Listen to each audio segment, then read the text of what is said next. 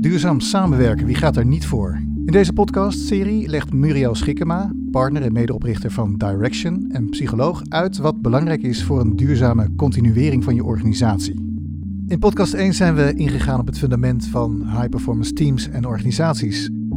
Waar willen we heen met elkaar en hoe gaan wij daartoe samenwerken? Dat is allereerst een belangrijke vraag eigenlijk om bespreekbaar te maken. Want wij merken ook als we kijken naar die high-performing teams en organisaties die wij onderzoeken, dat zij eigenlijk allemaal samen leren steeds beter worden in iets. dat is uh, afhankelijk van branche uiteraard. In deze tweede podcast gaan we in op het vormen van een visie. Wat wil je eigenlijk met je team of organisatie bereiken en hoe ga je dat dan doen? Hallo Muriel.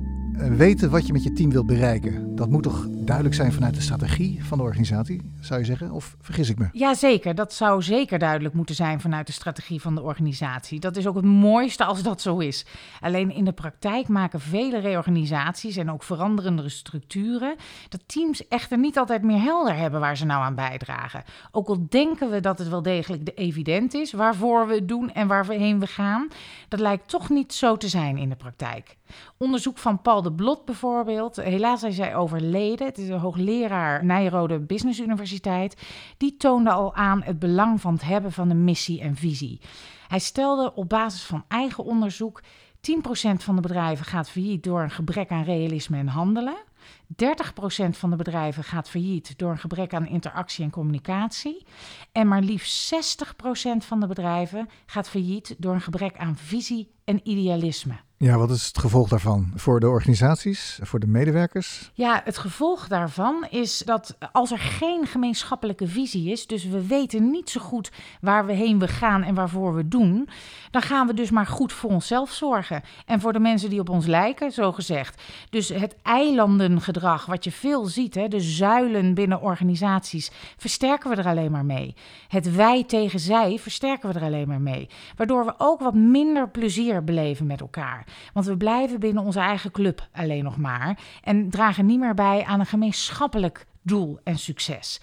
En dus de inzet wordt minder, het verloop wordt groter en uiteindelijk vaak ook het verzuim. Want wat ik hier doe, kan ik dan ook elders doen, want het gaat alleen maar om mijn eilandje. Ja, dus je moet zorgen voor teamvisie. Uh, waarom is het duidelijk formuleren van een teamvisie zo belangrijk? Nou, het duidelijk krijgen van de visie waar we als team aan bijdragen is essentieel, aangezien dat eigenlijk de enige reden vormt om überhaupt samen te werken en leren beter te worden, zoals we het ook tijdens de vorige podcast zagen. Het is namelijk het enige wat alle individuele verschillende collega's met elkaar bindt. Die gemeenschappelijke visie die is bepalend waarom en hoe wij met elkaar samenwerken.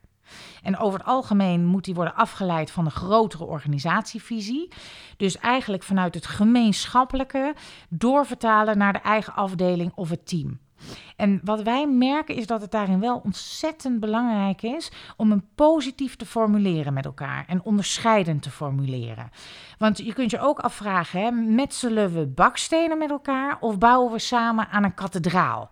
Dat geeft al een heel ander gevoel van die gemeenschappelijke, hè, dat gemeenschappelijke punt op de horizon wat we willen bereiken. Ja, maar hoe doe je dat? Wat is zeg maar nodig om een succesvolle visie te definiëren? Ja. Het, klinkt zo, het klinkt zo eenvoudig. Ja, het klinkt ook eenvoudig. En in de praktijk is het hartstikke lastig. En volgens mij begint het bij dat ieder die betrokken is, dus zowel de teamleider of de organisatieleider als de mensen die met hem of haar de klus moeten klaren, om uit te spreken en uit te wisselen met elkaar welk punt op de horizon jij ziet.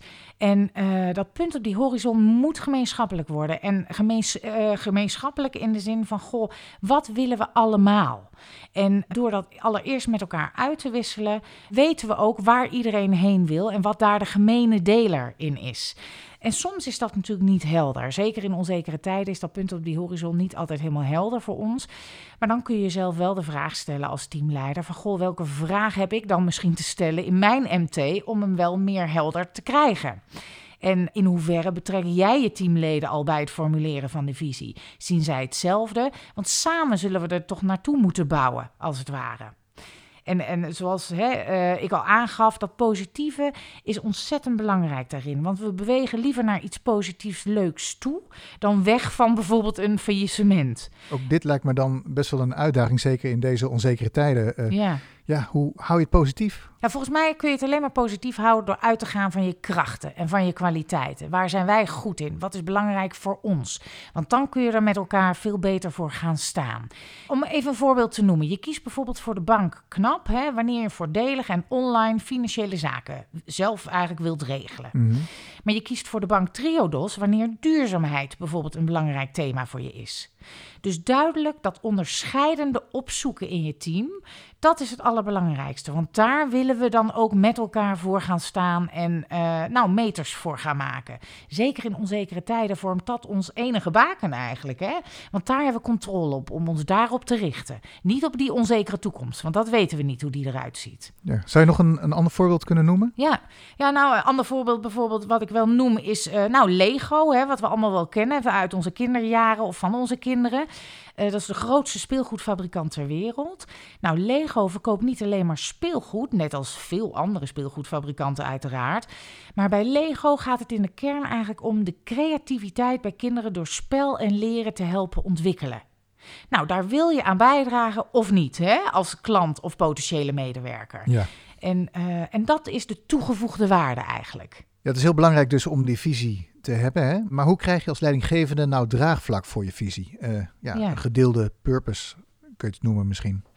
Nou, dat is ontzettend belangrijk, hè? Dat, dat zeiden we net al. En uh, hoe je dat kan doen door allereerst een bespreekbaar te maken. Namelijk niet alleen jouw visie daarop, hè, van dat punt op de horizon wat jij ziet, maar ook vooral van alle andere betrokkenen, van je medewerkers. Welke beelden hebben zij daarbij? Zodat je eigenlijk samen naar het gemeenschappelijke daarin kunt zoeken. En vervolgens ook met elkaar kunt kijken en hoe kunnen we die zo positief verwoorden, waardoor we er ook allemaal zin in hebben. Hè? En hoe onderscheidend is die visie van ons, zodat die ook echt bij ons past en dat wij daarmee het verschil kunnen maken. En als tweede, hè, naast het bespreekbaar maken van de punt op die horizon, is het heel belangrijk, wanneer je draagvlak wil creëren voor je visie, om hem ook vervolgens door te vertalen naar, hey, en wat betekent dat dan voor de verschillende verantwoordelijkheden in, de, uh, in het team of in de organisatie, voor de verschillende rollen? En welk concreet gedrag gaat dat van ons vragen? Want weet je, als we gisteren nog een soort van middelmatig terrasje waren, hè, als we een terrasje zijn op de markt, Mhm. En vandaag hebben we besloten met elkaar dat wij een meest innovatief terrasje willen uh, worden komend jaar. Wat hebben we dan ook anders te doen in ons gedrag om dat te realiseren? Want als we ons oude gedrag voortzetten, dan zullen we ook krijgen wat we vroeger kregen, namelijk dat middelmatige terrasje. Dus om hem echt door te gaan vertalen naar rollen, taken en ook dus gedrag. Van wat betekent dat voor mij? Okay. En als laatste ook openstaan voor andere meningen hè, en daar ook echt naar luisteren. Want ik kan daar een visie op hebben of een idee bij hebben als teamleider of organisatieleider. Maar mijn mensen zijn daarin essentieel. Dat ik ook luister naar hun meningen, zodat we die ook mee kunnen nemen en wegen in de uiteindelijke besluitvorming. Want we zullen het samen moeten doen. Ja, dus die dialoog is, is uh, cruciaal. Cruciaal, ja. Traditioneel is het natuurlijk allemaal heel erg directief. Maar ja, dialoog staat aan de basis van een, een gedeelde purpose. Absoluut. Het is heel goed dat je dat zo zegt. Wij zien ook in de high-performance organisaties die wij onderzoeken wereldwijd... dat een open en actiegerichte dialoog met elkaar blijven voeren essentieel is. De open kant van de uitwisseling zoeken. Alle meningen doen ertoe en worden beluisterd. Maar wel degelijk ook de actiegerichte kant ervan. Namelijk, we gaan ook besluiten nemen. We gaan ook richting kiezen. En uh, dat betekent ook dat uh, als we kijken naar die high-performance organisaties... dat daar niet de visie wordt uitgerold vanaf de zeepkist. Mm -hmm. Hè? En we horen daar ook nooit iemand zeggen van... goh, ik heb nou toch al drie keer op die zeepkist gestaan... van waarom begrijpen ze het toch niet? Uh, maar dat zij continu die open en actiegerichte dialoog aangaan met elkaar. Daar Ja. zit volgens mij de sleutel. Ja. Ja.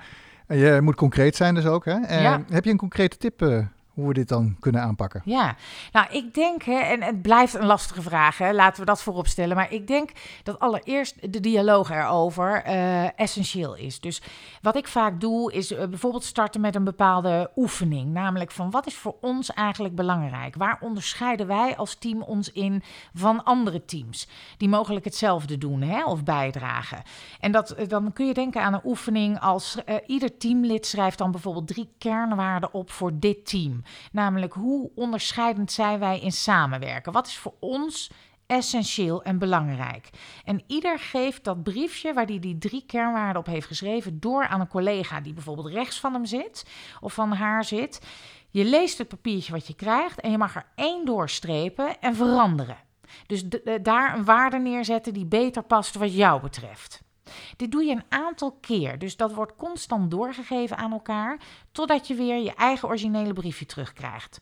Samen kijk je dan wat er gemeenschappelijk overblijft van die belangrijke waarden. Die schrijf je bijvoorbeeld op een flip over of op een notitieblad. En gaat op zoek naar de rode draad aan waarden. Van wat valt daar nou in te ontdekken? Want blijkbaar zijn dat de drie pijlers waarop wij onderscheidend kunnen zijn en ons kunnen positioneren. Dan heb je al een hele mooie richting die belangrijk is voor jullie teamvisie op dat moment klinkt simpel, maar je, je hebt het maar te doen. Hè? Het inregelen daarin is ook heel belangrijk. Zeker in deze onzekere tijden is dat dus essentieel om daar wel tijd voor te blijven maken. Ja, en het is ook leuk. Ja, het is ook leuk, klopt. Ja, want je leert elkaar er ook weer veel beter op kennen. Het distilleert in één keer dus die, die teamvisie. Ja, en die formuleer je zo samen. En, en als je dan zegt van, goh, en wat heb je daar nou aan? Hè? Wat levert dat nou op? Nou, het geeft natuurlijk richting, zo'n gemeenschappelijke visie. Maar het geeft ook snelheid, want het is makkelijker besluiten nemen als je die visie als meetlat neemt. Hè? Want als er dan iets voorbij komt, kun je ook makkelijker met elkaar zeggen, nou, dit past daar wel bij, want dat gaat wel bijdragen aan uh, dat gemeenschappelijke succes.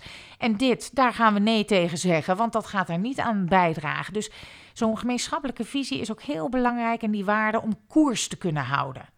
En, en het geeft je ook dus gewoon een soort van rationale of argumentatie om die koers ook te houden. Dus het is ook gewoon makkelijker om dan met elkaar uh, nou nee te kunnen zeggen en ja te kunnen zeggen tegen bepaalde dingen. En je hebt het ook gewoon hardweg nodig om elkaar concreet te kunnen aanspreken. Hè? Als je dat maar doorvertaalt met elkaar, die visie. Ja. Als die teamvisie uh, nou geformuleerd is, hè, dan kan ik me voorstellen dat iedereen dan in het begin heel laaiend enthousiast is van nou zo gaan we het doen, we staan ervoor, we zijn met elkaar uh, verbonden. Ja. ja, maar hoe hou je die koers en die dynamiek dan ook in die organisatie? Die vraag die je nu stelt, die stellen heel veel organisaties zich.